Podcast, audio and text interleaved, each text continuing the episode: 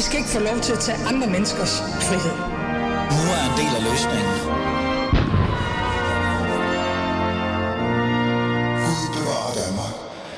Ja, Gud bevarer Danmark, øh, eller i hvert fald noget af det. Øhm, det er blevet tirsdag, og du lytter til Alis Fæderland. Mit navn er som altid Ali af min Ali, og mit headset virker ikke, og sådan er det. Det er jo fantastisk. I dag skal vi have fokus på et parti, som øh, i lang tid faktisk har været en, en vigtig del af det borgerlige Danmark. Øh, og så tænker du, hvad er det for et parti? Det er Nye Borgerlige.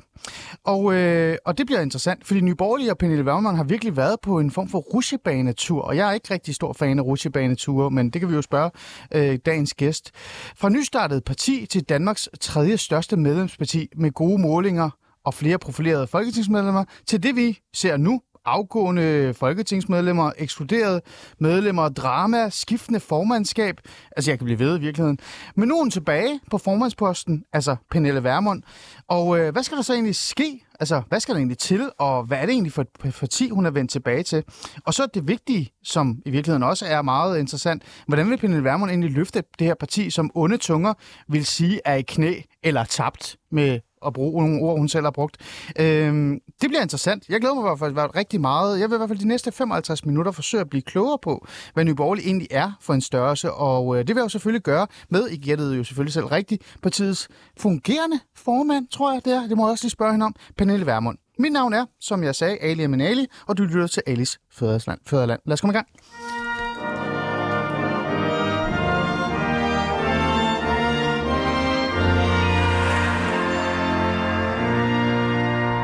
Lad os se, om den virker. Nu virker den fantastisk, øh, Pernille Vermund. Jeg kan høre mig selv, så håber jeg også, at uh, du kan høre dig selv. Uh, I hvert fald, velkommen til. Tak skal du have. Jeg, øh, jeg læste jo sådan lige op her, hvad det er egentlig, der er sket, og det kommer vi lige ind på. Men før du får lov til at give mig nogle svar på nogle af de spørgsmål, jeg har, så vil jeg jo selvfølgelig lige sige, at alle jer lytter, I er jo velkommen til at deltage i programmet i dag. I kan skrive ind på 92 45 99 45, 92 45 99 45, eller gå ind på øh, Alice Fæderlands øh, Facebook-side, så skrive direkte til mig kommentarer, eller hvad det nu er, Har lyst til det, så skal jeg nok læse det op. For I er jo også øh, ekstremt vigtige. Og så vil jeg jo selvfølgelig sige, øh, især jer nye borgerlige medlemmer, eller tidligere medlemmer, eller tidligere folketingsmedlemmer, jeg får nærmest lyst til at sige jer alle sammen, I er jo velkommen til at skrive ind til mig og Pernille, og så kan vi jo se, om vi gider, eller har lyst til at svare på jeres spørgsmål. Det finder vi ud af på en eller anden måde. Pernille Værmund, velkommen til. Tak. Altså, der er virkelig meget, jeg gerne vil tale med dig om. Men det første, jeg gerne vil tale med dig om, og det er sikkert øh, noget, alle andre også har spurgt dig om, det er sådan lidt, hvad, hvad, hvad laver du egentlig her? Pernille Vermund? ja, men jeg er her øh, af samme årsag, som var årsagen til, at vi stiftede partiet. Fordi vi i Danmark har behov for en borgerlig genrejsning. Vi har behov, behov for, at øh, der er nogle kræfter, som samles om at genrejse det borgerlige Danmark. Øh, hvad skal man sige, tage en kamp for, at øh, borgerlige værdier igen mm. slår rod i vores samfund, at vi går imod de her voldsomme tendenser, som er skyllet ind over vores land. Både en tendens, som handler om mere stat og mm. mindre menneske. Mm. Øh, en tendens, som handler om, at der er nogle, en udlændingepolitik, en forfejlet udlændingepolitik, som jo har øh, skabt mm. parallelt samfund, som har bidraget til, at islam får ja. stadig større indflydelse i vores samfund. Og endelig det, som vi har set på det seneste, denne her cancelkultur eller wokeisme, ja. som også øh, skylder ind over vores samfund. Og når vi står så sårbare i forhold til de her tendenser, som kommer, øh, sådan kollektive eller kollektivistiske idéer, jamen så er det jo fordi, tror jeg, og mener jeg, og mener Nye Borgerlige, at vi har glemt vores rødder, at vi simpelthen er blevet rødløse, mm. øh, og derfor må vi genfinde vores borgerlige værdier og sørge for, at vi slår rod igen. Altså, det er jo en fantastisk øh, tale, du nærmest holdt for mig. Øh, men lad mig lige gå tilbage til, øh, tilbage til mit spørgsmål, fordi alt det her, det kommer vi ind på, og, det er jo meget interessant, du nævner. Det lyder nærmest som uh, altså Pernille Vermund første gang, vi hørte dig sige noget til, til jeres første pressemøde. Men, men Pernille Vermund, mit spørgsmål var også lidt, hvad laver du egentlig her? Altså undskyld, jeg, jeg kan huske, øh, jeg vil ikke sige en træt Pernille Vermund, men mere en, ved du hvad, nu må andre tage over. Ja. Øh, nu skal jeg videre. Og jeg er glad for at komme videre, men jeg er heller ikke, altså jeg er selvfølgelig kommer til at savne det, men jeg skal videre. Ja. Øhm, det var januar eller sådan noget? Det var det. Pernille Vermund, hvad laver du her? Jamen, altså helt personligt og konkret, så er det jo rigtigt, at da vi stiftede partiet, der sagde jeg ret tidligt, at jeg kommer ikke til at sidde mere end en, maks to valgperioder på Christiansborg, mm. fordi jeg vidste, at det ville blive opslidende. Ja. Der er jo også sket en masse ting undervejs, som jeg ikke kunne forudse, men det var ligesom det, jeg havde af plan, og også havde afstemt med mit bagland og min folketingsgruppe. Og derfor var det naturligt for mig i den her valgperiode at sige, jamen, hvordan sikrer vi så bedst, at nye borgerlige kommer videre. Mm. Øh, jeg havde da håbet, at øh, det ville ske på en måde, hvor det selvfølgelig ikke en til en ville være sådan, som jeg øh, førte an i Nye Borgerlige, da jeg var formand første gang, men trods alt på en måde, som var i respekt for både partiet og for de borgerlige værdier, vi kæmper for. Mm. Og det her med respekten for partiet, det øh, gik jo ret hurtigt galt. Og derfor synes du det? ja, det må jeg sige, det synes jeg. Det kommer vi ind på, Pernille, men lad mig ja. lige holde fast i dig øh, som person. Øh, du er en, en, en kvinde, en stærk kvinde, en stærk politisk øh, øh, kyndig øh, kvinde, en af de bedste politikere, jeg synes, jeg har set øh, på den borgerlige fløj. Du må godt sige tak, det var godt. øh, men også en, som ikke er sådan for naiv. Altså, du er jo ikke naiv, Pernille Vermund. Og, og derfor så kan jeg ikke lade være med at tænke, da du sagde, nu træder jeg tilbage, og nu er det andre, der skal tage over, så vidste du jo godt, hvem der var altså, den stærkeste kandidat. Du vidste jo godt, hvilken vej partiet ville gå, fordi jeg netop lige har sagt, du er jo ikke bare frygten hvilken som helst. Hvorfor, hvorfor gjorde du det så? Altså, fordi hvis, du kunne jo godt se, hvor vi var på vej hen. Nu er det jo sådan, jeg kan jo ikke blive ved med at være formand for Nye Borgerlige for evigt, øh, og, øh, og uanset om jeg havde gjort det i begyndelsen af valgperioden, i slutningen af valgperioden, eller måske til og med i næste valgperiode, så ville det jo formentlig være Lars Borg Mathisen, der stod som, øh, hmm. som, hvad skal man sige, ny formandskandidat. Jeg har svært ved at forestille mig, at vi efter et folketingsvalg og i næste valgperiode ville kunne udvide folketingsgruppen, og at der så øh, helt naturligt ville være en, som aldrig havde siddet i Folketinget før, som ville være den, mm. øh, både medlemmerne, men også folketingsgruppen ville bakke op om som ny formand. Ja. Så det, altså efter valget lå det, var det ret tydeligt, at det lå i korten, at uanset om jeg øh, skulle træde tilbage nu, eller om en valgperiode, eller to valgperioder, så ville det blive Lars, så ville det blive Lars Bøge Mathisen. Ja. Og, og derfor synes jeg også, det var mest rigtigt dels at indfri mit løfte, men også at, øh, at prøve at give stafetten videre så tidligt som muligt i valgperioden, mm. så vi havde noget tid til at bygge op i forhold til den kurs, som Lars Bøge Mathisen så ønskede at lægge. Mm. Men da du gik hjem den dag, da du havde sagt tak for den her gang, og jeg kan indrømme, jeg, jeg var sådan et, what the hell happened there, ikke? Yeah. Da du gik hjem og lagde dig på din sofa i Snækkersten, ja. øh, og, og tog et glas rødvin, lå du så ikke og tænkte, det her, det kan godt ende galt? Helt Jo, men det har jeg jo altid vidst. Altså, øh, og det er et vilkår, når man øh, stifter et parti eller øh, starter et firma, og man i så høj grad, som jeg har været, bliver øh, identificeret med partiet mm. eller firmaet, jamen så er der en risiko, når man giver stafetten videre. Og det var også det, der var årsagen til, at jeg ligesom tænkte, lad os nu gøre det så tidligt som muligt i valgperioden, øh, så vi har tid til at bygge op. Okay. Men, øh, men altså, og, og når man sådan tænker tilbage, jeg ville jo ønske, at der havde været andre andre øh, veje ud, og jeg må også sige, når jeg overhovedet når dertil, et er, mm. hvad jeg havde, hvad skal man sige, forventningsafstemt, både med, med dem, der har stemt på mig, og, og med vores bagland, og med Folketingsgruppen.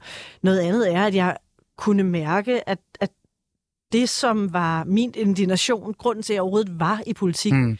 øh, som tiden er gået, der, der var det blevet sværere og sværere for mig at mærke det, og mærke mig selv. Mm. Og jeg har altid sagt, at jeg vil ikke sidde på Christiansborg, jeg vil ikke være i politik, hvis ikke jeg virkelig brænder for det, hvis ikke jeg kan mærke alt det, derude i virkeligheden, ja. som er årsagen til, at jeg er her. Øhm, og det, det er der mange årsager til. Øh, mm. Der er også de årsager, at vi jo havde en folketingsgruppe, hvor Lars Bøge Mathisen jo havde, skal man sige, en, en lidt anden profil. Det var ikke, fordi vi politisk var særligt uenige, men vi var måske uenige om, hvordan man, øh, mm. hvordan man er borgerlig, og hvad er det for sådan grundlæggende værdier, vi kæmper for. Ja. Og jeg er meget værdipolitisk som person. Øh, ja jeg kan også godt lide, når, når politik bliver konkret, mm. men for mig handler det om de helt grundlæggende værdier. Ja. Og så kan man sige, kunne du så ikke lige så godt sidde derhjemme og skrive debatindlæg, eller øh, engagere mm. dig i mm. hvad skal ja, ja. sige, tv-udsendelser, hvad ja. jeg.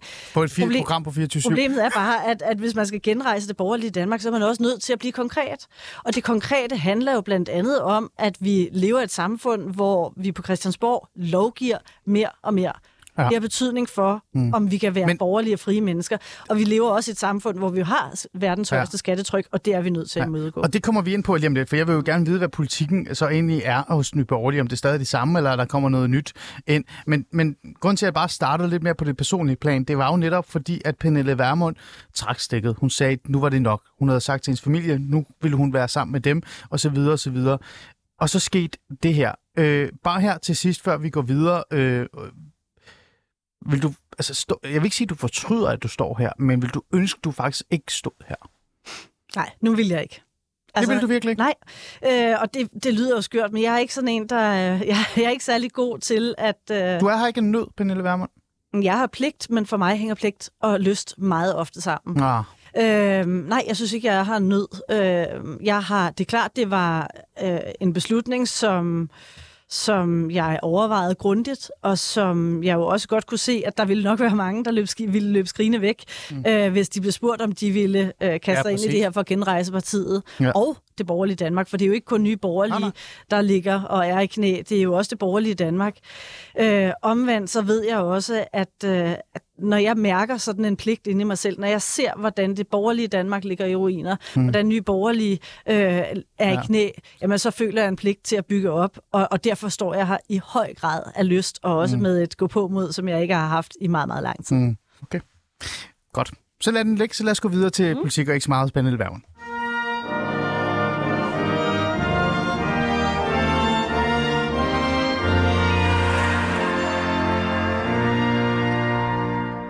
For altså, der, det handler jo om mere end Pernille Vermund. Selvom du selv det siger, at det er lidt svært, ikke? fordi Borgerlige er jo virkelig meget Pernille Vermund øh, på en måde også. Ikke? Øh, jeg får lyst til at stille dig det, det næste spørgsmål, som så reelt set handler om, hvor Nye Borgerlige er nu, og derfor, altså grund til, at du er tilbage. Du siger, at det er jo ikke bare pligt, der er, der er meget mere på spil end bare pligt. Mm. Øh, er Nye Borgerlige egentlig der, hvor de er lige nu, altså i knæ?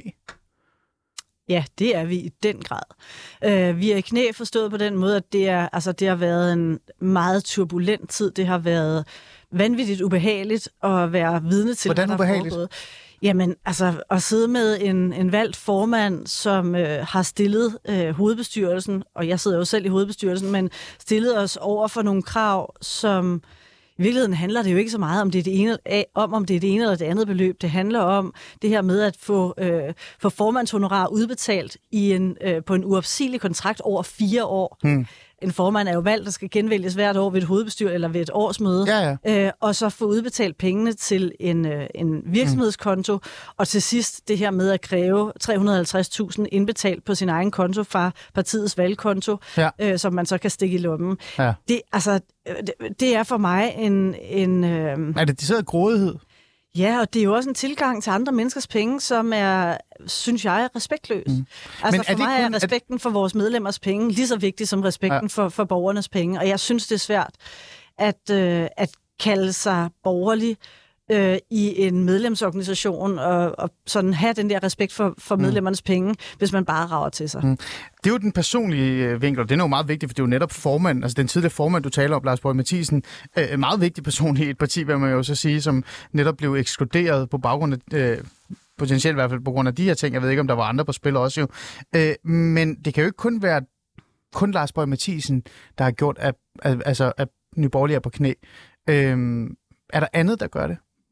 Jamen det har jo været, altså som sagt, det har, det har jo været en, en turbulent tid, og jeg er da også fuldstændig med på, at det, at jeg trækker mig som formand, skaber noget turbulens, øh, og gør også, at vi øh, kommer ud i en situation, hvor vi jo mister et, et folketingsmedlem, Mikkel Bjørn Sørensen, forlader Nye Borgerlige, ja. fordi han ikke vil sidde som, øh, som medlem af Folketinget under Lars Bøje som formand. Ja. Øhm, og, øh, og, og, og det har da sat sig øh, også i vores sekretariater, i vores bagland. Jeg må så sige, det er altså det at, at træde til side som formand, medmindre man gør som enhedslisten, hvor man ved, at man maks skal sidde de her otte år. Ja, man har jo nærmest en plan for det. Ja, de ja. laver en plan for det, og det kan man ikke. Øh, hvis ikke man har en fast plan for det, så er det mm. nærmest umuligt at varsle. Vil du ønske, at I havde lavet det sådan en? Vil du ønske, at I havde lavet sådan en plan, der mm. hed, at man efter to eller tre... Øh... Nej, det vil jeg ikke, Nej. fordi når jeg ser på, øh, når jeg ser på enhedslisten, så er det jo et parti, som trods alt har nogle år på bagen, mm. og som jo i begyndelsen var øh, meget små og ret ligegyldige. Det er jo, når man Ja, for at sige det, var som det det er, det var jo indtil, Ja. indtil øh, Johannes Schmidt Nielsen kom til, så var det jo sådan et, et betonkommunistparti, Ja. hvor man, altså jeg ved ikke, Ja. hvor mange der kan huske, hvem der var politikere Nej, dengang, hvem der var ikke. politiske ledere. Nej, nej, det kan jeg heller ikke. Så det tager jo noget tid at bygge et parti okay. op, og derfor tror jeg, det er svært sådan, så, tidligt at sige, nu skifter vi formand. Jeg blev bare, jeg blev bare nysgerrig, om det var mm. noget, øh, du måske stod lige nu og fortrød. Men, men det giver jo, altså, jeg kan jo godt forstå det, øh, men vi er jo bare stadig tilbage til det, altså det, hvad hedder det, altså intrigerne, ikke? Altså personproblematikker, øh, og øh, jeg vil ikke være, øh, hvad hedder det, under den her formand, og så videre, og så videre. Hvad med det politiske? Altså, jeg, lad os lige gå tilbage øh, til starten i virkeligheden, og jeg får mm. faktisk lyst til at, at, at afspille det her, øh, det her klip her. Lad lige, jeg gør lige sådan her, så vi alle kan høre, hvad det er, der sker her.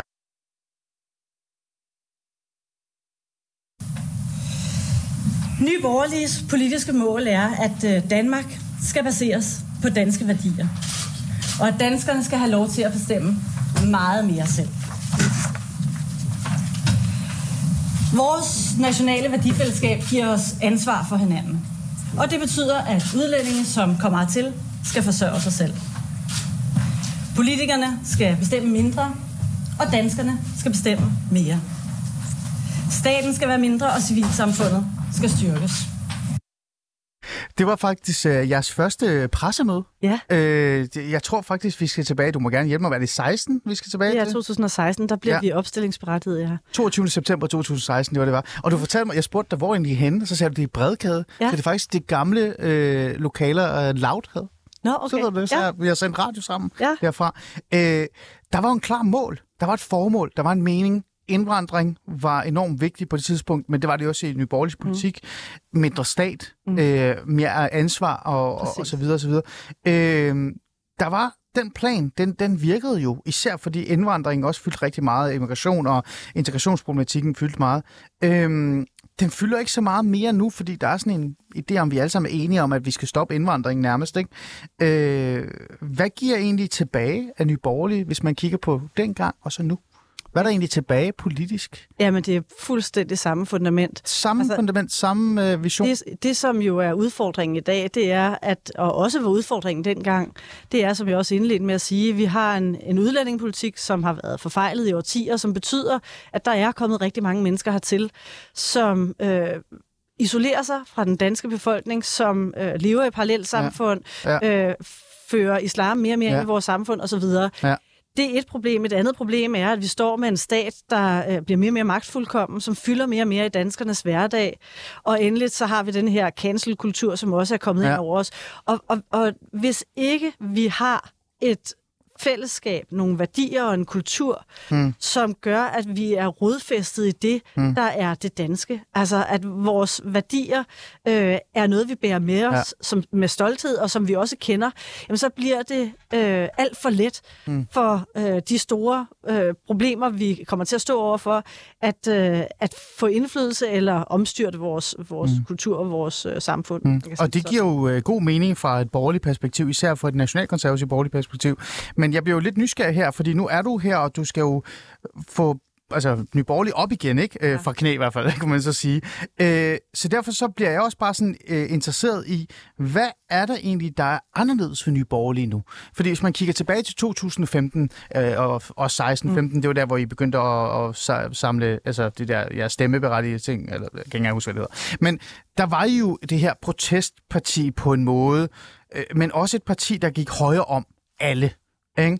Øh, I var I kom med nogle, nogle skarpe og også nogle lidt øh, voldsomme udmeldinger i forhold til indvandring, men også øh, hjemsendelse og så videre og så videre og så videre. Øh, jeg kan huske øh, dit øjeblik i Allinge. Kan du huske selv det? Det tror jeg godt, du kan Hvad huske. for et af dem? Det øjeblik, hvor Søren Pape Poulsen og øh, Christian Ja. Thulesen Dahl bare sad og kiggede på dig og vidste ikke, hvad de skulle sige. Ja. Øh, Ja. Det var også et fantastisk øjeblik. Det var der, hvor Pernille Vermund virkelig stillede sig frem og sagde, altså Nye Borgerlige er noget andet. Ja. Derfor så bliver jeg også lidt nysgerrig her og nu, Ja. øh, for der er gået lang tid. Ja. Dansk Folkeparti er ved at smårejse sig, kan man så sige. Danmarksdemokraterne er kommet til. Socialdemokratiet er nærmest blevet mere konservativ, og det konservative Folkeparti, jeg kan blive ved. Mm. I lytter med, pressetjenesten for konservativ, det ved jeg, I gør. øhm, Så derfor så bliver jeg sådan lidt interesseret, Pernille Vermund. Hvad kan du egentlig tilbyde? Hvad, hvad, er, det, hvad er det nye borgerlige tilbyder mig, når jeg faktisk kan få alt det, I sat i gang med at, at kæmpe for i, altså tilbage i 16, nu hos andre partier? Jamen det mener jeg ikke, du kan. Og i virkeligheden så handler det for mig efterhånden lige så meget om, hvad det er, vi kæmper for, øh, som det handler om, hvad vi kæmper imod. Altså jeg tror, noget af det, som var helt tydeligt og umiddelbart, da vi stiftede partiet, det var jo, at, at vi kæmpede for at passe på Danmark øh, i en situation, hvor migranterne væltede ind over vores grænser, mm. og ingen partier stoppede dem. Det var også tydeligt dengang, at vi kæmpede mod en stat, der fylder mere og mere i danskernes liv. Øh, men det, som vi måske øh, forsømte at fortælle danskerne, det er, ja. hvad er det, vi kæmper for? Mm. Altså genrejsning af det borgerlige Danmark handler jo ikke bare om, at vi skal have et borgerligt flertal. Det handler jo om, at vi skal værne om de værdier, der gør, at vi øh, føler et fællesskab, som ikke er forankret i staten mm. eller i kommunerne, mm. men som er øh, vores familier, vores frivillige og sådan mere forpligtende mm. fællesskaber. Øh, alt det, der binder os sammen som mm. folk. Men kan jeg ikke få det i Dansk Folkeparti, eller for eksempel i Liberal Alliance? Altså hvis man kigger på Liberal Alliance på nuværende tidspunkt, med Henrik Dahl og, øh, og resten af den der gruppe der, øh, jeg ved ikke rigtig, hvor meget jeg kan sige om Alex Vandopslag i forhold til indvandringen. Det er sådan lidt op og ned i øvrigt, hvad han mener om det, men, men jeg får jo nærmest hvis jeg som vælger skal pege, altså borgerligt, på et parti, hvor jeg har både den der kritiske vinkel til vogueisme, mindre stat, øh, kritisk øh, tilgang til indvandring, den kan jeg også få liberal alliance. Så sådan tilbage, hvad får jeg egentlig ved at at stemme på Nye Borgerlige, eller være en del af jeres projekt? Jamen det sjove er jo, at i den her periode, hvor det har været øh, så barskt for Nye Borgerlige, så har jeg jo overvejet, hvis ikke Nye Borgerlige fandtes, hvem skulle jeg så stemme på? Og jeg kan mærke inde i mig selv, at hvis jeg stemmer på, på Dansk Folkeparti, ja. Altså, det ville være meget svært for mig, fordi Dansk Folkeparti jo har en venstreorienteret økonomisk ja, politik. Det er jo noget helt og set fra mit perspektiv, så er øh, det her med, at man hiver penge op af lommerne på danskerne, hmm. for at placere dem ud til folk, som øh, man nu gerne vil øh, hmm. forgylde. Ja. Og Dansk Folkeparti har jo så valgt blandt andet de ældre. Ja. Jamen, det medfører noget, nogle af de problemer, som vi står overfor. Fordi ja. en stor del af de ældre, som ikke kan klare sig selv, er ældre med indvandrerbaggrund. Tilsvarende, når vi ser børnefamilier, som øh, har det svært, jamen der er en meget stor del er børnefamilier med, med indvandrerbaggrund. Så den her omfordelingspolitik, som vi, ligger på venstrefløjen, og som DF den også Den kan du ikke se dig selv i. Det den tror jeg heller ikke mange borgerlige kan se. Og, og det er ikke Hvad med Liberal Alliance? Det er også værdier. Hvad med Liberal Alliance? Lad mig lige komme ja, være lidt ja. fræk. Når vi så øh, siger Liberal Alliance, så kan jeg mærke igen helt inde i mig selv, ja. Jeg føler en enorm respekt for de generationer af danskere, som har bygget vores samfund op. Jeg føler en enorm glæde ved øh, vores landskabelige værdier, vores naturarv, vores kulturarv, og jeg er, og vi er den opfattelse, at man skal ikke bare øh, sælge ud af vores kulturarv, naturarv, landskabelige værdier for, øh, for kortsigtet vinding. Mm. Altså, vi har en, en forpligtelse og et ansvar over for dem, der har bygget vores samfund op, og også dem, der har bevaret vores værdier, som øh, som handler om at sikre, at, at de værdier også består til kommende generationer. Mm. Og der tror jeg, at det her konservative syn på generationskontrakten, hvis man kan sige det sådan, ja. at det savner jeg øh, i de mere liberale partier som Venstre og Liberale Alliance. Øh, ah. Og jeg savner det også efterhånden i, konservative, i ja. det konservative Folkeparti. Men, men altså sådan helt konkrete diskussioner, som for eksempel miljøpolitikken eller... Øh, eller kulturpolitikken, der er Liberal Alliance øh, for kortsigtet, set fra mit perspektiv og vores perspektiv. Mm. Vi, altså for os er det, når vi taler forankring og taler om, hvad er det for, for værdier, vi kæmper for, ja. jamen, så er det jo også nogle værdier, som andre har bygget op. Mm. Og hvis vi bare kapitaliserer dem i vores generation, så er de der jo ikke øh, mm. til kommende generation. Mm det er jo rigtig godt, du sætter ord på det, og jeg tror også, mange af vores lyttere øh, værdsætter, at du reelt set siger, her er forskellene, fordi man kunne godt være fræk og sige, at det kan godt være lidt svært at se forskellene, især når man for eksempel læser, hvordan Henrik Dahl, øh, folketingsmedlem for Liberale Alliance, tordner derud af med øh, kritik af menerblanden og bevarelse af kulturarv osv. så videre og så videre. Så ja, det, det er fint, øh, du gør det, men jeg bliver jo stadig bare sådan lidt interesseret i, hvad er egentlig det her 2,0-projekt, for jeg har lyst til at sige, af Nye Borgerlige. Øh, fordi man bliver sådan lidt... Man ved ikke rigtig, hvad man har hos jer længere kan man være lidt fræk at sige. Nogle har jo endda sagt, Pernille Vermund, at hvis det her projekt skal lykkes, øh, og det er politisk kommentator, det ved jeg ikke, du lige finde ud af, om du selv synes, det er øh, positivt eller ej, at hvis det her øh, projekt skal lykkes, så skal I overveje at lave næsten et helt nyt logo og et nyt navn. Fordi at, at man har fuldstændig glemt, hvad Nye Borgerlige egentlig kan. Hvad tænker du om det? Jamen, jeg tænker, at kommentatorerne har jo af flere omgange dømt os ude, øh, og vi har også af flere omgange vist, at de tog fejl. Øh, og det er absolut også min ambition denne her gang at vise, at de tager fejl. Ikke af hensyn til kommentatorerne, men af hensyn til... Øh, ja, altså alt det, som jeg gik ind i politik for, mine børn blandt andet. Ja. Øh, følelsen af, at, at vi står med noget, der er enormt værdifuldt, men vi står også i en tid, hvor jeg tror, mange danskere lidt har taget vores værdier for givet. Øh, vi pisker rundt og tænker på vores egen hverdag, og vi glemmer måske lidt at fordybe os i, hvad er det, der hvad er det, der har øh, skabt de vilkår, vi øh, lever under? Hvad er det, der har skabt de værdier, øh, vi har fået i arv? Og hvordan passer vi på dem også til kommende generationer? Når jeg hører om unge, der i stigende grad mistrives, ikke bare i Danmark, men i de vestlige lande generelt, Ja. så kan jeg jo ikke lade være at tænke, at noget af det, som har været øh, symptomatisk for, for Vesten i de seneste årtier, det har jo været det her med, at man har tænkt, når man alt, alt er lige godt, og øh, vi, kan, vi kan lige så godt øh, have den ene baggrund som den anden. Nej, det kan vi ikke. Nej.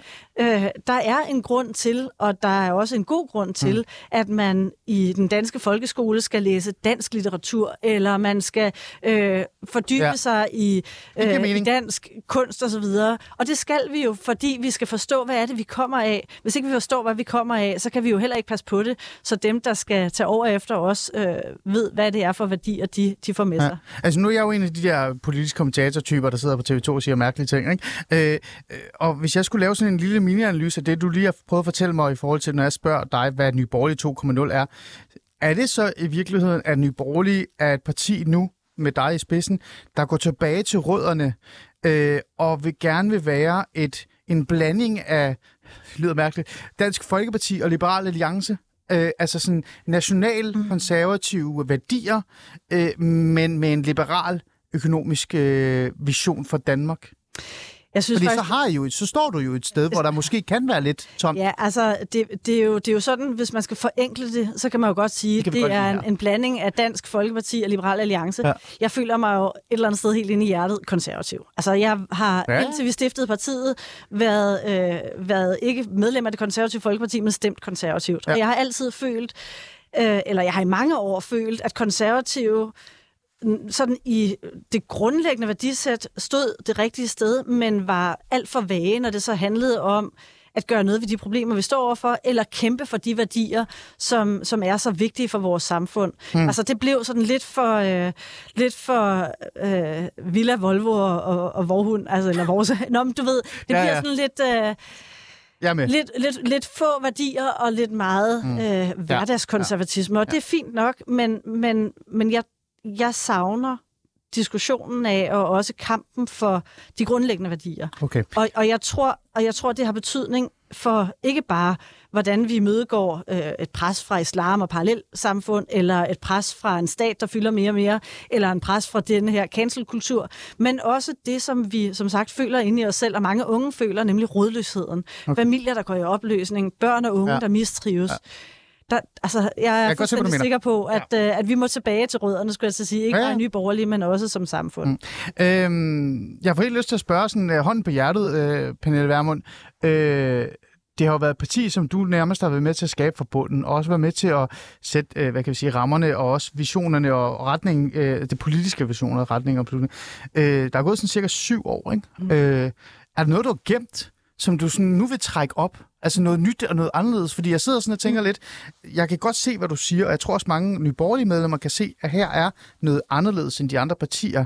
Men den gennemsnitlige dansker, som er lidt sådan lidt, øh, kigger på det her borgerlige ruin og tænker, jeg aner ikke, hvad det er, de vil. Øh, jeg, så vælger jeg Dansk Folkeparti og sådan noget. Er der noget, du kan sådan få os til at virkelig forstå, at Nye Borgerlige er noget unikt? Jamen, jeg tror frem for alt, hvis man skal sige, hvad er det, jeg øh, kan gøre af forskel nu, så står jeg jo i dag med en erfaring fra de første syv år som formand, hvor vi byggede partiet op. En periode, hvor jeg ikke var formand, og hvor jeg kom helt væk fra det at være formand og kunne Det se rigtigt. det udefra. Og i dag med en følelse af, når jeg ser tilbage på den tid, der har været, så har vi gjort rigtig meget godt. Men noget af det, som, øh, som jeg synes, øh, vi har tabt undervejs, Ja, er Det er værdikampen. Altså, Det er det er, alt det, ja. ja. som, som, som brændte og brænder inde i mig. Mm. Det er årsagen til, at vi overhovedet er her. Mm. Det er samtalen med danskerne om, mm. hvorfor det er vigtigt at leve i et mere borgerligt tro- samfund. Pernille, tror du, Danmark- Ikke på det der, ja. så får du flere penge til at købe en bil, Ah. men som handler om, hvad betyder tiden for mennesker? Hvad betyder tid med vores familie, med vores nære? Hvorfor er vores foreningsliv vigtigt? Jamen det er det, fordi når alt andet ramler, så er det i fodboldklubben, eller i skakklubben, eller øh, badmintonklubben, at, Ah. man, at man finder fællesskaber. Og de der frivillige fællesskaber over vores familier, de er så vigtige for os, og- og der er altså en tendens til, mm. at de fællesskaber, de bliver knust, når mm. vi ikke forstår værdien mm. af, af et borgerligt samfund, og når staten fylder mere og mere i vores hverdag. Er der nogle konkrete lovforslag, nogle konkrete visioner inden for et specifikt område, du allerede har i tankerne, du gerne vil kaste i hovedet på danskerne og i hvert fald vælgerne? Ej, nu sætter vi os jo med vores folketingsgruppe, øh, og for det første får lagt en plan for, hvordan kommer vi øh, videre herfra? Mm. Hvordan lærer vi af det, vi har været igennem? Ja. Øh, ikke bare i forhold til, hvad der har været af personkonflikter, ja. men også det politiske. Mm. Altså, vi står jo samme sted, som vi stod, da vi stiftede partiet. Ja. Men hvordan kan vi sikre, at denne her værdikamp kommer længere ud blandt mm. danskerne? Hvordan kan vi sikre, at den samtale, Men I havde vi skal de have med danskerne, punkter, altså I havde nogle gode bedre? punkter, da I, øh, da I gik i gang. Og jeg tænker, du er ikke sådan en, du er ikke en, der ikke gennemtænker ting, når du siger til mig, at vi skal have den her værdikamp på plads, og vi skal for eksempel have mere fokus på forældre og familie og, og, og værdikamp. Og så jeg får her nærmest lyst til at sige, stå her og sige, at der er jo sådan en mini-Meloni, den italienske premierminister, er hun ikke det, jeg tror, øh, højrefløj, øh, google hende. Øh, så derfor så tænker jeg sådan, der må der være noget konkret, du har overvejet. Altså for eksempel, vi skal kigge på at give penge, at flere penge til øh, familier, så de for eksempel kan hjemmepasse deres børn. Eller, eller andet. Er der noget, du direkte... Men vi har jo, altså allerede i dag har vi jo meget konkret politik, som mm. går i den her retning. Vi har øh, en gennemarbejdet økonomisk plan, som blandt andet giver mulighed for, at når man har små børn op til tre år, så kan man øh, passe sine egne børn selv, få et fradrag i skatten, som svarer til det, øh, det offentlige ellers ville bruge på en daginstitutionsplads. Det vil give mere frihed, mere mm. tid i familierne. Der vil være familier, som siger, at vi vil stadig benytte os af daginstitutionstilbud, men der vil helt sikkert også være familier, som siger, jeg vil gerne tage et halvt år mere, eller et år mm. mere med mine helt små børn. Få den tid med familien, som er så unik, Ja. og som jo også har stor betydning mm. for, for børnene. Ja, okay. Det er et konkret eksempel, vi har, Det- det- det når, vi taler, når vi taler bil, bilpolitik, som ja. jo er noget af det, som mange danskere går i. Ja, Men så handler det jo også om tid. I bund og grund, så handler det jo om at sikre, at, øh, at man kan få hverdagen til ja. at hænge sammen. Ja. Ja. Så på det konkrete plan har vi jo, vi har 100 øh, borgerlige mærkesager, mm. som alle sammen mere eller mindre peger ind i, i den, hvad skal man sige, værdikamp, som vi ønsker. Mm. Men det, jeg synes, vi savner, det er ikke det konkrete. Okay. Det er, det vi, det vi savner, det er at få, få danskerne til at forstå, hvad er det, der sker med os som folk? Hvad er det, der sker med os som mennesker, når vi bliver rodløse? Mm. Øh, jeg sad med en, en god mand forleden dag, som, som havde et billede af, at når man hiver en buket blomster op af jorden med rode og kigger på dem, og, og undrer sig over, at øh, de sådan stille og roligt visner hen, og, og der ikke er noget liv i dem, Ja. jamen, så, øh, så er den undren lige så... Altså, det svarer lidt til, når, når, når vi som danskere, eller som borgere, Ja. øh, som mennesker, øh, mister forankringen, mister øh, følelsen af at, at have rod og høre hjemme. Mm. Og stille og roligt syner vi hen. Vi bliver, det bliver sværere Ja, for os at være, være hele mennesker. Mm. Og det er jo rigtig, rigtig flot, øh, og jeg tror faktisk også på øh, 100% alt det, du siger, at det er det, I gerne vil kæmpe på. Det er bare fordi, jeg prøver bare at finde ud af, øh, hvordan vi som vælgere, eller bare vælgerne generelt, vil kunne se, at det er her, man skal sætte sin, sin stemme, og ikke for eksempel hos Danmarksdemokraterne, som også nærmest sælger den her idé om, at nu skal vi nærmest redde Danmark, ikke? I virkeligheden fra alt. Faktisk nærmest alt, ikke? Øhm, og det er det, jeg prøver at finde ud af med det her 2.0-projekt. Men det virker som om, at, at øh, det er jo så bare en mission i sig selv, i virkeligheden. Det er jo netop at overbevise os, at her er et parti, der er anderledes end Danmarksdemokraterne, Dansk Folkeparti osv. osv. Jamen, det, man kan sige lidt groft, det er Altså jo, det vigtigste for mig er ikke, at man stemmer på nye borgerlige. Det vigtigste for mig er, at danskerne øh, igen får, får en forståelse af vigtigheden af borgerlige værdier, Mm. af forankring, af tid med familien, Ja. af betydningen af de frivillige fællesskaber, øh, og at vi så også får flyttet politikerne på Christiansborg, så man prioriterer det. Øh, der er jo partier som, altså for eksempel Alternativet, som jo taler om, at vi skal arbejde mindre. Ja, ja. Deres mål er bare, at det sker ved omfordeling og ved minusvækst. Jeg så jo gerne, at vi indrettede samfundet mm. sådan, så vi stadig har den økonomiske vækst og velstand, der skal til for, at vi også i fremtiden kan have øh, god kernevelfærd, få de bedste øh, løsninger, når vi taler sundhed osv. Ja. Men at vi i vores hverdag får friheden til at prioritere familien. Ja. Prioritere alt det, der er vigtigt for os. Jeg har ikke hørt et eneste menneske sige, øh, øh, at han har oplevet nogen ved deres dødsleje fortælle, at de har fortrudt, at de ikke har brugt mere tid på arbejde, eller mere tid på at bet- eller flere penge Ej, på det er der, at det er betale der nok skat. ikke så mange, der har Men der er jo rigtig mange ja. historier om folk, der ligger og siger, hvor ville jeg ønske, at jeg havde haft mere tid, eller prioriteret mere tid med min familie. Mm. Og det er det vigtige. Det siger en del af venstrefløjen også jo. Er det det, er i hvert fald begyndt på? Det gør de, men det gør de med omfordeling, og det er jo det, der er så vigtigt. At vi, Så er vi her- tilbage til økonomien. så er vi tilbage til økonomien, Ah. og det betyder, at hvis, ikke man, hvis man gør det med omfordeling, så bliver vi år for år relativt fattigere. Mhm. Mm. Og, så, og så bliver det tid med familien på bekostning af de gode sundhedstilbud, på bekostning af de gode skoler osv. osv. Ja. Der skal være råd både til en god kernevelfærd, ja. også, og også til tid til, mm. til familien. Jeg var jo også en af dem, der sagde, Pernille Vermund, fordi øh, nu skal vi, vi har talt godt nok om politik, så lad os gå videre til det næste, men jeg vil gerne lige afslutte det her med, jeg var også en af dem, der sagde, at, at Nye Borgerlige får en meget, meget svær tid uden Pernille Vermund, og det er så så dig, jeg lavede endda et, et jeg, havde, jeg er aldrig på Twitter, Pernille, så det betyder meget, ikke? det siger meget det her. Så jeg var faktisk på Twitter lige der, det er det eneste øjeblik i mit liv nærmest, øh, hvor jeg skrev sådan, prøv at Nye Borgerlige bliver ikke til noget nu, det er slut, medmindre Pernille Vermund kommer tilbage, så gik der 10 sekunder, så stod det der og sagde et eller andet mærkeligt, og jeg var sådan, nej, hun er tilbage. Øh, og det er jo det, der er sket. Men jeg kan ikke lade være med sådan at tænke lidt. Øhm, og det skal du tage, som, øh, som du har lyst til. Det er jo den Pernille Vermund, som jeg tror på øh, kan gøre noget anderledes, som jeg også har skrevet om, og sådan noget unikt og et eller andet. Øh, fordi du er den, der skinner igennem, for eksempel til partis, øh, hvad hedder det, partiformandens debatter osv. osv. Men det er også, nu siger jeg det, det er også den samme Pernille Vermund fra 16, fra 17, fra 18, fra 19, fra 20. Det er de samme ting, du siger, måske lidt skarpere. Det er de samme emner, du bringer op. Det er den samme tale, du også i virkeligheden holder. Øh, ærligt, Pernille Vermund, hånd på hjertet, er det nok, tror du? Jeg tror aldrig, vi som mennesker er de samme. Altså, de øh, oplevelser, vi har, de erfaringer, vi gør os, gør os jo klogere, medmindre man er sådan helt øh, lukket i forhold til at, at lære af både ens egne fejl og også... Men, men kan du forstå, hvad jeg prøver at sige? Fordi det er jo præcis de samme Ja, ting, jeg- jeg... altid har hørt fra dig. Der er jo ikke noget nyt. Nej, og jeg, for Men mig, landskabet har jo ændret sig. Altså det politiske landskab har ændret Jamen, jeg, jeg, tror, jeg tror ikke, at, øh, at vores udfordring var, at der ikke var behov for nye borgerlige. Der er behov for nye borgerlige. Ah.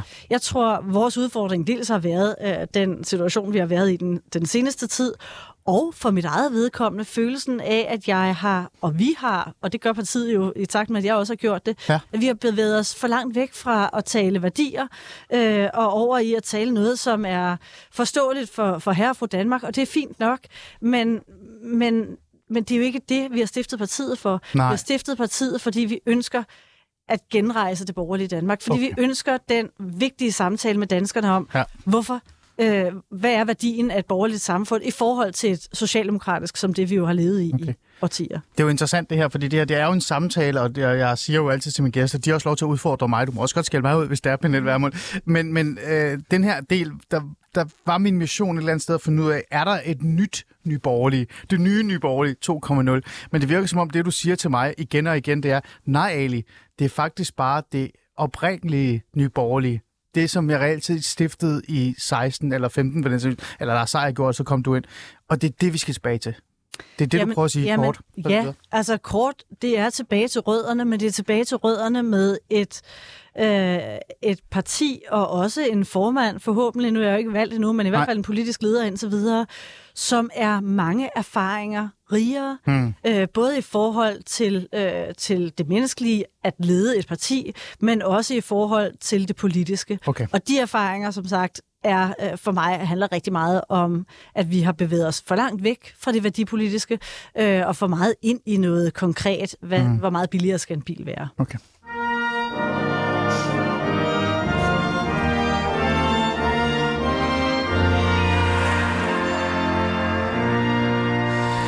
Du lytter til Alice Fæderland, og jeg har Pernille Vermund i studiet, mm. som jeg faktisk jeg glemte at spørge dig, Pernille Vermund. Du er folketingsmedlem for Nye Borgerlige. Ja. Ja, og så har du ordførerskaber, Ja, og så er du fungerende? Nej, det hedder ikke fungerende.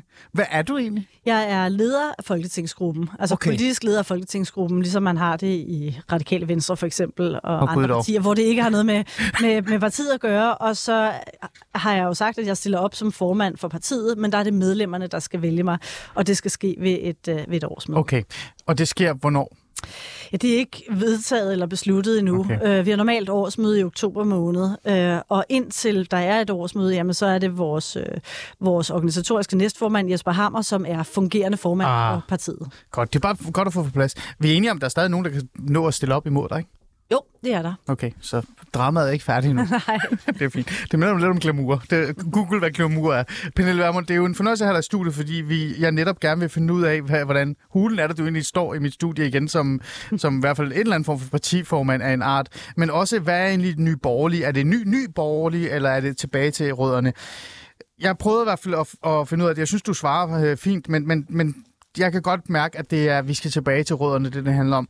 Det, jeg synes, der er så også interessant at snakke med dig om, det er jo også, hvad der gjorde Nye Borgerlige stærk i en periode, hvor øh, coronapandemien virkelig satte sig. Mm. Øh, man kan jo ikke undgå at sige, at Nye Borgerlige, ikke fordi det ikke var øh, et stærkt øh, politisk parti før det, men det blev i hvert fald mm, ekstra populært. En lille smule, kan man sige, i, øh, under coronaen.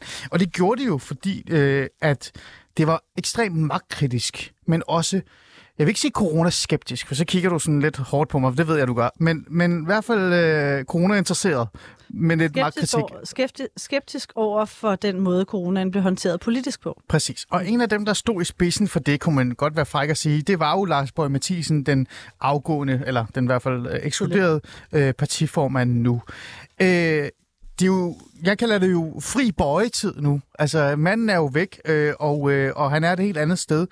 Men den her magtkritik, som øh, han også var sådan en, hvad kan vi sige, han var sådan en spydspids på, øh, kommer du ikke til at savne den lidt i partiet? Nej, den er der bestemt endnu.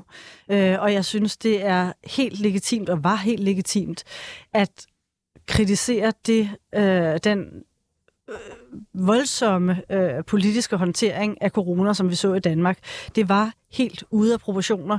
Vi kan se, hvordan vi øh, i dag oplever, at virksomheder, særligt restaurationsbranchen, som nu skal til at betale deres coronalån tilbage, de knækker nakken. Vi kan se, hvordan børn og unge øh, stadig lider under de nedlukninger, der har været. Ja. Ældre, der øh, døde helt alene. Mm. Kræftpatienter. Jeg havde en, en, nogle tætte venner, øh, som havde et familiemedlem, der sad på hospice, og han måtte ikke få besøg mm. øh, før det sidste døgn, da han skulle dø. Altså, der, var, der er så meget grufuldt fra den periode, som jeg håber, vi aldrig nogensinde kommer mm. til at se igen. Og vi har diskuteret minkskandalen meget, Ja. som er virkelig også et kapitel for sig selv, og i den grad værd at diskutere. Men Så jeg synes, var men jeg, og var ja, god. men jeg synes faktisk også, man bliver nødt til at sige, hvad, altså, hvad er det, der er sket undervejs, og hvordan kan vi sikre, at vi ikke igen havner i en situation, mm. hvor en i forvejen magtfuldkommen stat bliver endnu mere magtfuldkommen mm. over for borgerne? Men det var jo ikke kun magtkritikere, der et eller andet sted begyndte at være interesseret i Nye Borgerlige, fordi Nye Borgerlige blev også et sted øh, for folk, som også var coronaskeptiske i hvert fald. Det må man i hvert fald godt sige. Øh, vaccineskeptisk osv. osv. Øh, hele den der store gruppe af danskere, der var frustrerede, vrede, skuffede, men også havde en, en som jeg siger, enormt skeptisk over for alt, hvad der gik, øh, eller hvad der skete. Øh, det gav jo et løft til øh, Nye Borgerlige. Er der stadig plads til de mennesker i dit parti? Jamen, fordi jeg tror, at det, som for rigtig mange vedkommende øh, var, var udslagsgivende for, at man, at man sådan tager paraderne op og siger, stop, der er noget galt her, det er jo, at det, som vi normalt har øh, sundhedsmyndigheder til, ud fra et fagligt og objektivt øh, synspunkt at Ja. vurdere, det blev pludselig meget politisk. Mm. Øh, jeg kan huske, da, da vaccinerne kom til Danmark, der ville Mette Frederiksen gerne have, at alle partiledere gik ud og lavede sådan en form for kampagne om, at nu skulle man lade sig vaccinere. Og jeg sagde til hende, prøv at høre her, jeg tror, det er en rigtig dårlig idé, fordi vi skal ikke som politikere blande os i, om folk lader sig vaccinere eller ej det er fint for mig, hvis folk gerne vil tage en vaccine, og særligt hvis man er i en sårbar gruppe eller er ældre og er bange for, hvad sker der med mig, hvis jeg får øh, sygdommen.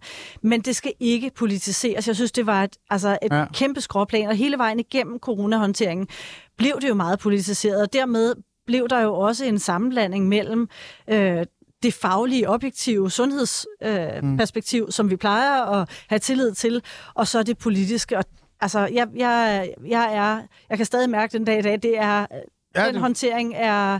Ej, det især der stadig, bryder mig, ja, det bryder mig Ja. ikke om. Men og, den og særligt gruppe- over for vores børn og unge, Ja, sige. men den gruppe, som var virkelig meget øh, magtkritiske og, og meget, altså virkelig også øh, coronaskeptisk, nærmest til konspirationsteoretisk tilgang, ikke? Øh, de fik jo, altså de kom jo under dine vinger, eller i hvert fald Nye Borgerliges vinger, øh, og, og de var især... Øh, i hvert fald interessante at lægge mærke til under ny, altså Lars Borg Mathisen her. Men nu er han jo væk, og, og du har jo været ude at sige, at altså sådan, nogle som, øh, altså sådan, noget, sådan noget med konspirationsteorier og sådan noget, det er ikke velkommen i Borgerlige. Så jeg bliver jo sådan lidt nysgerrig. Den gruppe, som var med til at give Nye Borgerlige et, et, et hop, den gruppe, som var med til at give det noget nyt og noget anderledes, og faktisk også et måske et politisk projekt, som er en del anderledes end nogle af de andre partier. Er, det, er den del, den gren lukket ned nu, siden Pernille Vermund kom ind? Jamen, jeg tror, der er sådan en tendens til, at man øh, siger, at fordi man er kritisk over for coronahåndteringen, eller kritisk over for, at man pressede vacciner igennem til børn og unge, eller lukkede skoler, velvidende, at det nok ikke havde effekt, og måske til og med var øh, sådan, at, at det havde større, hvad skal man sige, Ja. negativ effekt end positiv effekt. Det at være kritisk over for det, betyder jo ikke, at man er sølvpapirshat eller konspirationsteoretiker. Nej. Når det er sagt, så er der jo øh, nogle teorier, som florerer, som ikke hører til i Nye Borgerlige, som ikke er vores politik. Ja. Øh, og, og når, vi, altså, når jeg hører folk, der mener, at, øh, at eliten har fået en type øh, vacciner, og resten af befolkningen har fået en anden. Eliten skulle så angiveligt have fået vacciner med saltvand, Ja. ja. og vi andre har fået noget andet. Øh, så er det noget, der for Men mig er det ikke bare sund magtkritik? Er det ikke meget sundt skeptisk, Nå, men altså, folk må jo tro og mene, hvad de vil, øh, bare ikke, hvis de repræsenterer nye borgerlige. Og jeg, altså, jeg, har ikke, jeg har ikke noget problem med, at folk gør sig vidtgående tanker om, hvad der kan have foregået. Jeg, jeg, jeg tror altså også, Mm. og det er, ikke, det er ikke fordi, jeg på nogen måde ønsker at, øh, hvad skal man sige, at, at lægge... Nej, lad, nej, bare lad mig sige kort. Jeg, jeg tror, man bliver nødt til, også på venstrefløjen, alle de her, der var øh, gik ind for det her overforsigtighedsprincip, Ja. man bliver nødt til at forstå, at når man politiserer noget så afgørende som en sygdom, en epidemi og håndteringen af den og sundhedsfaglige øh, anbefalinger, jamen så risikerer man at skubbe folk ud et sted, hvor der er teorier, som kommer til at florere, som er langt fra virkeligheden. Men omvendt må man også bare sige, at nogle af de teorier, der var på venstrefløjen om, hvor galt det kunne gå, de var jo lige så langt fra virkeligheden. Okay. Øh, og jeg, altså... Okay. Nå, men det, det er bare for at sige, Nej, nej, det, man, er bliver let, man bliver let kaldt sølvpapirshat eller konspirationsteoretiker, når man er kritisk over for en, en Hmm. meget magtfuldkommen øh, håndtering af corona, Hmm. øh, og det mener jeg bestemt ikke, man er. Okay. Det er jo bare interessant, fordi at den gruppe er jo, øh, eller var jo stor, øh, i hvert fald under Nye Borgerlige, vil jeg mene, i hvert fald både medlemmer, men også øh, nærmest kandidater hos jer. Og jeg har sådan bare tænkt, hvad skal der så ske med den? Men, men du, øh, du er meget sådan klar på, at det, det er sådan, øh, vinklen er. Jamen altså, det, for at gøre det tydeligt, konspirationsteorier øh, hører til et andet sted, hører ikke til i Nye Borgerlige, Ja. hvis man vil repræsentere Nye Borgerlige, men jeg går ikke rundt og dikterer, hvad folk skal tro og tænke. Vi øh, bygger som parti på viden og på fakta, øh, men vi er også meget kritiske over for staten, når staten bliver magtfuldkommen, mm. og det var det, der skete under mm. corona.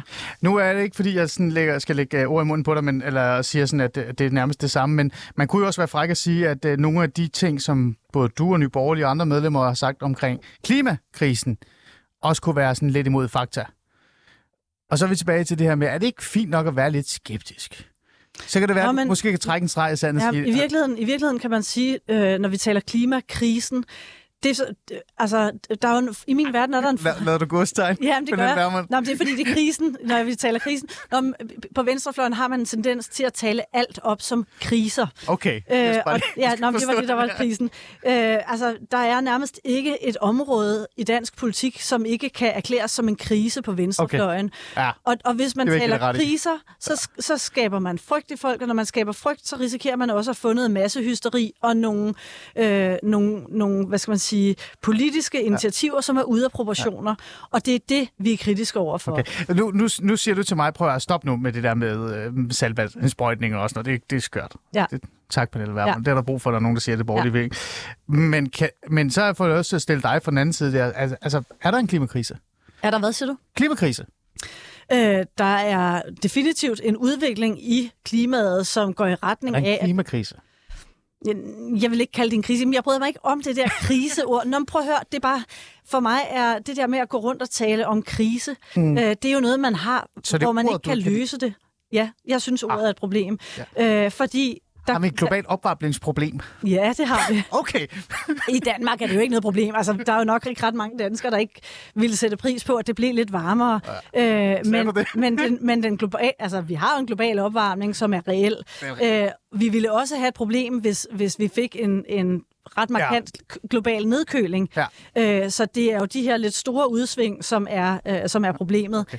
Det, som jo er svaret politisk, i stedet ja. for at gå rundt og tale om kriser, så er svaret politisk jo at sige, hvad er vores ansvar for at løse de her problemer? Mm. Og vores ansvar er jo i høj grad at levere den viden, den teknologi, de løsninger, der skal til for, at de mm. store populationer, mm. de store befolkninger, som er et helt andet sted mm. end der, hvor vi er, at de, øh, at de kan stå et bedre sted fremover. CO2-afgift på landbruget? Nej, bestemt ikke. Jeg ved ikke, hvem telefon det er, der ringer. Det er garanteret min. Så mange som på flødeboller. Flyvning? CO2-afgift? Nej. Ja. Nej, okay. Jeg Nej, men jeg, nej, men, jeg bare nysgerrig. men, Bare nej, nysgerrig. men det, prøv at høre, en CO2-afgift på en flybillet får jo ikke folk til at flyve mindre. Den lægger bare flere penge i lommerne på politikerne. Okay. Så, ja. så, så hvis man gerne vil, for eksempel at landbruget bliver øh, mere, øh, Ja. altså mere grønt, jamen så skal man jo sørge for, at man understøtter den udvikling, der er allerede i dag i landbruget. Mm. Og den er der. Landbruget er enormt villige til at gå forrest, øh, men bliver konstant bremset. Det stikker altid af i Alice Fæderland, når jeg er Pernille Vermund i studiet. Vi snakker om konspirationsteorier, og så endte med klimakrise. Jeg ved ikke, hvad der sker. Ja, ja. Jeg bliver bare nysgerrig omkring det der øh, skeptisk. For jeg har det sådan lidt, Pernille Vermund. Alle, der har interviewet dig siden de sidste par dage, de har altid bare sådan spurgt dig, om, om de er velkomne eller ej. Jeg vil bare lige spørge dig om sådan... Om de er det ikke- velkomne? Jamen altså, de her coronaskeptikere og så videre og så videre. Så jeg vil bare sådan lige spørge, er det ikke også sund fornuft som, som magtkritiker og liberal øh, person at være lidt øh, kritisk over for det hele? Men jeg, jeg fik mit svar. Pernille Vermund her til sidst, ikke? Øh, det er ikke et nyt parti. Det er ikke et nyt logo. Øh, men det er måske en ny Pernille Vermund. Det er i hvert fald en klogere Pernille Vermund, øh, både menneskeligt og også politisk. Og, øh, og jeg ved ikke... Mere moden Pernille Vermund, for Ja. jeg nærmest sige politisk. Ja, ja. Øh, altså når man, når man er i det, jeg, når jeg sådan tænker tilbage på de første syv år, det er meget svært at træde ud af det og se mm. det udefra, når man er i det. Også selvom man tænker, nu tager jeg en pause, holder et par dage fri. Mm. Øh, det er ikke særlig ofte, jeg har kunnet slukke min telefon helt, men, mm. men det at have de her ja, knap to måneder, hvor jeg har været helt væk mm. fra det, Det har bare givet dig et Øh, nyt syn på det hele. Er det i så noget, du sat i, fortryder? i et andet perspektiv. Nu når du står her og er blevet klogere Ja. og, og, og mere sådan... Ja. Hvad fortryder? Er der en ting, du fortryder? Jeg fortryder, at jeg, øh, eller noget af det, jeg vil gøre anderledes, er at prøve at tage noget tempo ud af den måde, vi er øh, i partiet på, og den måde, vi, vi er i politik på. Okay. Øh, og, og, og der er hele tiden rift om en, og der er en kalender, som kan være mere end stopfyldt hver eneste dag. Hmm. Hvis ikke man tager sig noget tid til at reflektere over, hvor står vi? Hvad er situationen i Danmark? Hvordan kan vi gøre mm. tingene klogere og bedre? Mm. Jamen, så risikerer man jo at løbe for hurtigt og for langt. Var det derfor, du retning. stoppede egentlig også? Her, Mark Nej, det var, det var jo fordi, jeg havde sagt fra begyndelsen, okay. at... Så det var øh, ikke, fordi det, var, det gik for hurtigt. Det var for træt. nej, men jeg, var... nej, men jeg kan se, når jeg ser tilbage på det, Ja. at vi kunne... Eller min fornemmelse er, at vi kunne være...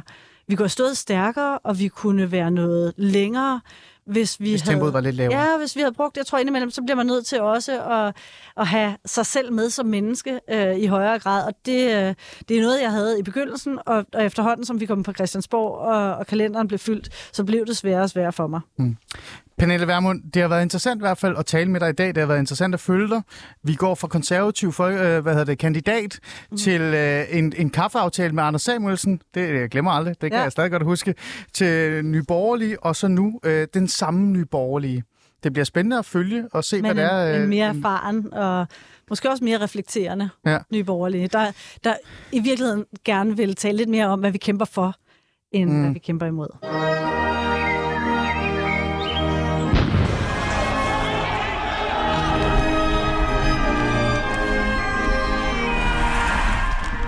Skal ikke få lov til at tage andre menneskers frihed.